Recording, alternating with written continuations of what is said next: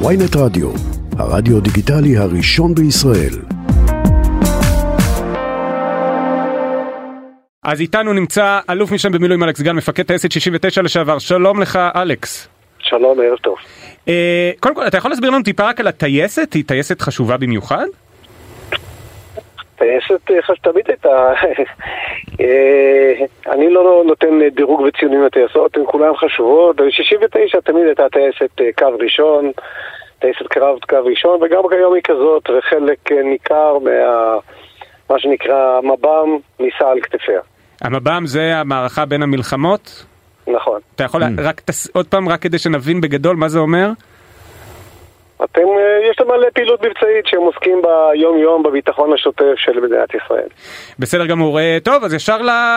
ישר לנקודה. מה דעתך על המחאה של המילואימניקים מהטייסת? אני חושב שהם אה, עשו נכון, ויפה עשו. אה, הסיסמה של הטייסת לאורך השנים מהקמתה על ידי אביהו הייתה את הקשה אנחנו עושים מיד הבלתי אפשרי או עורך מעט יותר. רגע, אביהו זה אביהו בן נון? אביהו בן נון שהקים את הטייסת בסוף אה, שנות ה-60. אוקיי. וזה נכון עד היום. ומה שהם עשו, הם צעדו כנחשונים לפני המחנה, הם בעצם ביטאו מה שמסתובב היום בהרבה מאוד אה, טייסות.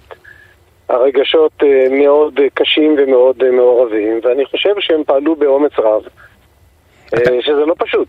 אתה חושב שהם גם צריכים לסרב ל... בהמשך לאימונים ואפילו לפעילות מבצעית? אולי אפילו לתקוף את ישראל, ל- לעלות באוויר ולתקוף אותנו. נו, ממש, כן, יופי. בוא נגזים עוד קצת. אני חושב שהטייסים יודעים להבדיל היטב אה, במה שעומד לפניהם.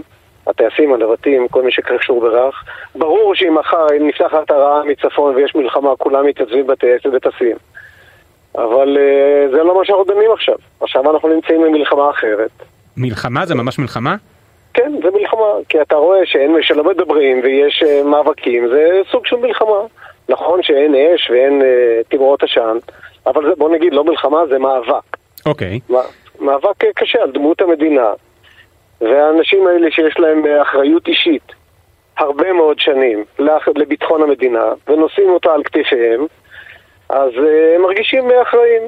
אני, אה, וצריך לכבד אותם בעניין הזה. אני מנסה להבין, אבל יש פה אפשרות להתנגדות אזרחית או להפגנות וכולי, אבל להשתמש בתפקיד שלך במסגרת צה"ל, זה לא משהו שהוא אה, קצת חוצה את הקווים? כי אם כל אחד פה יתחיל לסרב על רקע משהו שלא נראה לו, אין צה"ל. תראה, קודם כל, כל האנשים האלה הם מתנדבים. והם מתנדבים ושמים את נפשם אה, בכפם אה, אה, שבוע שבוע ושנה שנה ועושים את זה בהתנדבות ובנפש חפצה מתוך ראייה שכמו שהשביעו אותנו בשבועה בטירונות ואחר כך גידלנו את הדורות הבאים זה להגן על מדינת ישראל ברוח מגילת העצמאות יהודית ודמוקרטית. נשבענו להגן עליה, ועכשיו מרגישים שהחלק הזה הולך לאבדון, ולכן החבר'ה אומרים, אוקיי, אנחנו עכשיו נשבענו להגן על המדינה, זה הדרך שיש שלנו כרגע, אנחנו נפגין, ואנחנו לא נעשה מה שאנחנו אה, חושבים שלא נכון ולא חיוני לעשות לביטחון המדינה, וזה הקלף שלנו. וזה נכון שלכל אזרח יש קול שווה בבחירות, אבל כל אחד משתמש בכלים שלו. אז אה, חברי הכנסת המכהנים משתמשים בכוחם כחברי כנסת, ועושים מה שהם רוצים, ודורסים את כולנו. כן, אבל הם ממש קיבלו מנדט, בכל זאת הם קיבלו לא, מנדט. ל- הם קיבלו. מנדט להיות חברי כנסת, הם לא קיבלו מנדט לשנות את המדינה ואת מגילת העצמאות. זה ממש לא במנדט שלהם. באיזה אופן הם משנים את מגילת העצמאות? אגב, אגב, בטיקט שלהם בבחירות, כן. הם אמרו שהם רוצים לטפל בשיטת הממשל תוך כדי דיבור עם כל חלקי האוכלוסייה במדינה. אז הם מדברים עם אבל, מי שנוח אבל להם. בדרך כלל טייסים לא מפסיקים לטוס בגלל הפרה של הבטחת בחירות. עכשיו השאלה היא שוב, כמובן אם זה היה לצד השני, האם גם היה ראוי בעיניך שטייסים יפסיקו לשרת, פשוט כי עשו איזה, אתה יודע, כל זה הזמן לא מדברים נגיד על זה ההתנתקות. לא הפרה של הבטחת בחירות. זה הפרה של ההסכם שבין הבן אדם למדינתו, בין האזרח למדינתו. אנחנו רגילים להיות אזרחים של מדינה דמוקרטית. עכשיו, מעולם לא סירבנו, אני טסתי 42 שנה בחיל האוויר, מעולם לא סירבנו לשום הוראה של שום ממשלה, ואגב רוב השנים זה היו ממשלות ימין, וזה בסדר גמור, קיבלנו את זה. פה משנים את חוקי המשחק, משנים את הבסיס. זה לא אותה מדינה.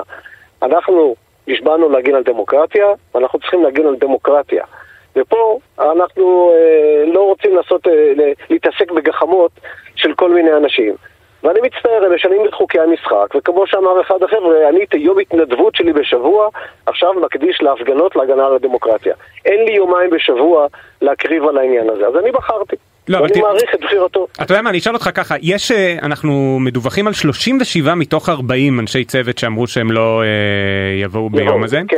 זה נשמע כמו קונצנזוס אדיר. עכשיו, איך אתה מסביר את הפער הזה בין 90 אחוז, זה ממש 90 אחוז אפילו יותר, זה 92, אני פחות טוב במתמטיקה, מתוך הטייסת כן, כן. שתומכים, שמתנגדים לרפורמה, כשאתה רואה באוכלוסייה הכללית שיש יותר מחצי או חצי או אפילו פחות מחצי, אבל ההפרשים בין אלה שמסכימים לאלו שלא מסכימים זה אחד כלפי אחד. איך זה שבטייסת יש כזאת הגמוניה של מתנגדים לרפורמה? אז בואו בוא נעשה סדר. אני לא בטוח שבציבור הסטטיסטיקה ידועה ויודעים כמה מתנגדים וכמה מקבלים אותה. יש הרבה אנשי ליכוד ואנחנו נתקלים באנשים מהציונות הדתית שלא מסכימים עם העניין הזה. אז אני לא יודע להגיד אם זה חצי, אני מעריך שהחלק שמתנגדים למהפכה הזאת, וזה לא רפורמה, זה מהפכה, הוא הרבה יותר גדול מאשר חצי. אז זה אחד. אגב, בסקרים שאני ראיתי זה יותר קרוב ל-60-70 אחוז. אבל לא משנה. עדיין הטייסים זה אוכלוסייה, ככה הם גדלו וככה הם חונכו וככה הם מרגישים.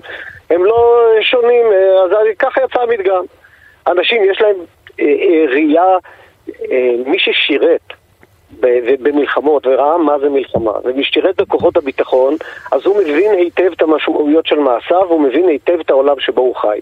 אגב, אני הייתי בערך 440 פעם בשטח אויב, הסתכלתי שמאלה, לא היה סמוטריץ', הסתכלתי ימינה, לא היה בן גביר, מצטער מאוד, הם לא היו שם. ולכן אני חושב שההבנה שלהם על המשמעות של העניין הזה היא אחרת מה ששלנו. ולכן אני חושב שהם צודקים. והסטטיסטיקות הן בכלל לא חשובות בעניין הזה.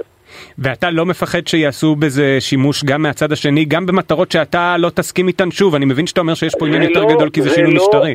אבל אם יגידו לך אותו השני... דבר על, על. היפרדות לא, משטחים. לא, יגידו לא, לך אותו דבר. סליחה, בהיפרדות משטחים כולנו התגייסנו בקטע הזה של חלק שהסכימו וחלק שלא הסכימו, התגייסו וכולם ביצעו את המשימה ולא צייצו.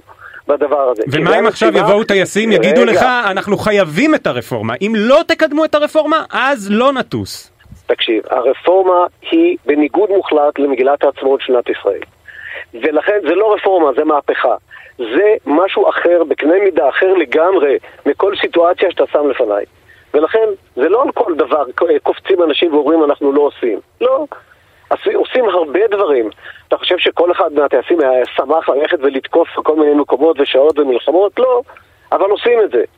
בדבר הזה, עושים את זה, אבל פה, כי זה לגיטימי וממשלה לגיטימית עושה את זה. פה הממשלה לגיטימית, הפעולות שלה הן לא לגיטימיות. היא עושה מהפכה, היא לא עושה רפורמה. היא כן. קורעת את העם וזהו. למרות שאגב, אני כן חייב להגיד שבשונה מיחידות מיוחדות אחרות, פה כמובן יש סיכון חיים ו- ואני ממש לא מקל בזה ראש, אבל טייס, לצד זה שאנחנו נותנים לו כזאת הערכה גדולה, זו אכן גם, קודם כל זה עלות אה, הכשרה אדירה למדינה. כל טייס כזה, ואז הוא למעשה מנצל את ההשקעה שהמדינה נתנה בו. ושתיים, יש פה פריבילגיה, כלומר אנחנו כל כך מעריכים טייסים, שאנחנו נותנים להם אחר כך, הם uh, מצליחים בזכות זה. אז לא יכול להיות שהפעם יש פה גם שימוש בפריבילגיה, לא רק בחובה? סליחה, זה לא ממש לא פריבילגיה. תראה, אנשים שהולכים לקורס טיס, הם יודעים שההכשרה יקרה, הם יודעים שהם הולכים לקרוע את התחת 12 שנה בשירות קבע ועוד אין סוף שנים בשירות מילואים ובסיכון שהוא בא, בא והולך לכולם ברמה כזאת או אחרת. הם, זה חלק מחוקי המשחק שלהם והם הולכים על העניין הזה בנפש חפצה כי יש להם עסקה עם המדינה הזאת, עסקה עם הציונות, עסקה עם מדינת ישראל. ועכשיו אתה משנה את העסקה ולכן כשאתה משנה את העסקה אז אה, לא אה, רוצים לשחק אותה. אוקיי, אתה, אתה בקשר אגב עם הטייסים האלה שעכשיו מסרבים אה, ביום רביעי? לא, אני אגיד לך למה. תראה, יש לנו פורומים של הטייסת ושל המילואימניקים. אנחנו לא מתערבים לסדירים ולמילואימניקים האלה במה להגיד ומה לומר. מאה אחוז. לא אומרים להם, אנחנו מכבדים אותם ותומכים בהם מההתחלה ועד הסוף. כמעט, אני רוצה להגיד לך שהתמיכה היא הרבה יותר גדולה מהאחוזים שנקבת כאן. רגע, ואין לך ביקורת אז לקריאה של תומר בר, אה, אלוף אה, חיל האוויר כרגע, כן לשרת? תראה, תומר תפקידו כמפקד חיל האוויר הוא לנהל את חיל האוויר ולדאוג להגנה על מדינת ישראל ועל כל משימות חיל האוויר. עכשיו, תומר מבין מעולה את הדילמה שהטייסים עומדים בה, הוא מבין מעולה את הסכנה שבעניין הזה, ואין לו הרבה ברירה. הוא צריך את האנשים, אבל מצד שני, הוא, ובצדק רב ובחוכמה רבה, הוא לא מתנגח איתם, הוא לא רב איתם, הוא לא אומר להם לא תעשו ככה, אני אעשה לכם ככה, ונו נו נו ונו נו נו. הוא מנסה לשכנע בדרך שלו, והוא עושה כמיטב יכולתו, אבל הוא יודע שהדבר הזה מתישהו יהיה מאחורינו, וצריך להכיל את זה ולנהל את זה בחוכמה ובתבונה. כי כמו שאומרים, בחיל האוויר יש לנו רק אחד, וצריך להשתמש בו נכון. ובסוף... אני... כן, סליחה. אה, ברשותך, אה, אלוף משנה, אה, גם במילואים, אני משער שבסופו של דבר, כמו שרבים צופים, הרפורמה הזאת תעבור חלקית. ככל הנראה כן הצדדים ידברו זה עם זה. אז מתי אה, החברים האלה, להערכתך, או אילו תנאים צריכים להתקיים כדי שהמצב ישוב לקדמותו מבחינת הרפורמה? תהיה רפורמה, ודאי חלקית. קודם כל, שתהיה רפורמה, רפורמה היא, היא ברוכה, מהפכה היא לא ברוכה. שתהיה, לעשות רפורמה כל כך גדולה במערכת המשפט, זה מצריך דיון, זה מצריך אה, מומחים מכל הצדדים, שישבו משפטנים ויוציאו עשן, אני לא משפטן. כרגע אין דיון. כרגע יושב ראש ועדת חוקה ומעיף את כל מי שאומר משהו אחר מהישיבה. זה מה שאני רואה. עושה מה שהוא רוצה כי הוא כתב איזשהו ספר והוא חושב שהוא צודק והוא תומך בדעות של קהלת. ברגע שיהיה, יעצרו את החקיקה ההזויה הזאת, שחלקה היא פרסונלית, מנסים להוציא, לחלץ בן אדם מהכלא, מנסים להכניס עבריין. אה, זה מעבר למהפכה אה, המשפטית, זה גם החקיקה הפרסונלית ועוד דברים, אוקיי. תראה, יש, אם אתה רוצה לחוקק, תעבוד כמו שצריך. בית מחוקקים צריך לדון בחוקים, צריך לקבל, אגב, הרבה פעמים מקבלים חוקים שאני לא אוהב אותם, אבל זה בסדר. אבל אני לא, ואני לא רוצה להתייחס לדוגמאות של הג'ינג'ים וכל הדברים האלה. זה שאתה רוב, זה לא אומר שאתה יכול לעשות מה שאתה רוצה. פה לא היה שום דיון. תראה, מי, מי, הם עשו עבודה שהיא פשוט רשלנית לתפארת. הם לא בדקו את המשמעויות הביטחוניות, הם לא בדקו את המשמעויות הכלכליות, הם פשוט לא האמינו שיקרה להם הסרט הזה. הם חשבו שזה יעבור וזהו. וזה לא יקרה. ועכשיו, לדעתי, הם מחפשים אה, סולם חירום לרדת מהעץ שהם עלו עליו, וזה קשה. לרדת מעץ כזה מטורף שעלית, ואתה יושב על הצמרת, ושאומר שר המשפטים, אני לא עוצר לרגע את החקיקה, אז אה, בהצלחה לשר המשפטים. שיתמודד עם העניין הזה. בהצלחה לכולנו. אה, אלוף משנה במילואים, אלכס גן, מפקד טייסת 69 לשעבר, המון תודה לך. תודה רבה. בבקשה, ערב טוב.